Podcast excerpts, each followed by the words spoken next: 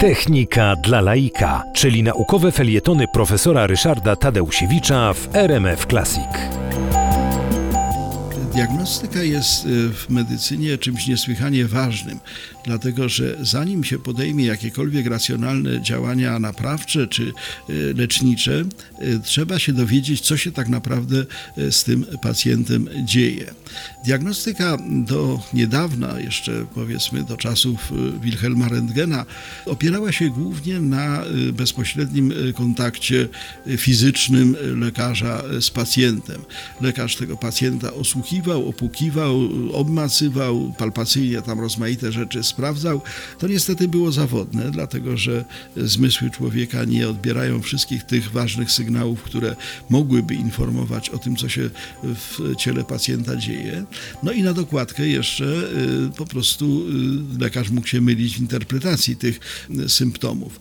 Natomiast technika, inżynieria biomedyczna dostarczyła ogromnego wachlarza różnego rodzaju czynników, za pomocą których można postrzegać to, czego zmysły lekarza postrzegać nie mogą.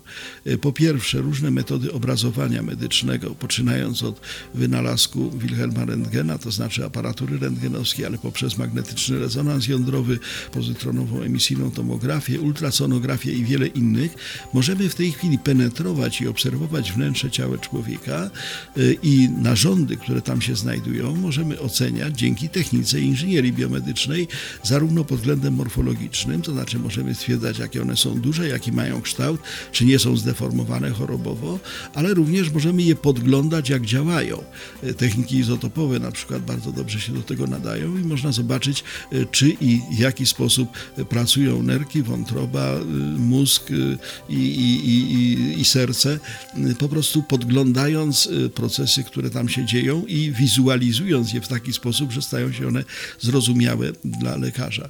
Bardzo wiele informacji związanych jest z aktywnością elektryczną narządów, e, której nie jesteśmy w stanie percypować naszymi zmysłami. Nie mamy zmysłu, który pozwalałby wykrywać i oceniać e, pola elektryczne.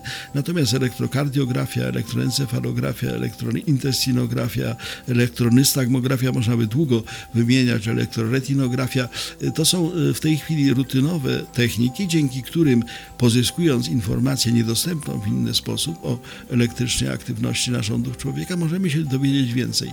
Stąd inżynieria biomedyczna stworzyła dla lekarza i dla y, służby zdrowia jak gdyby dodatkowe zmysły, takie zmysły, których człowiek nie posiada, natomiast których posiadanie znacząco polepsza i y, usprawnia proces diagnostyczny.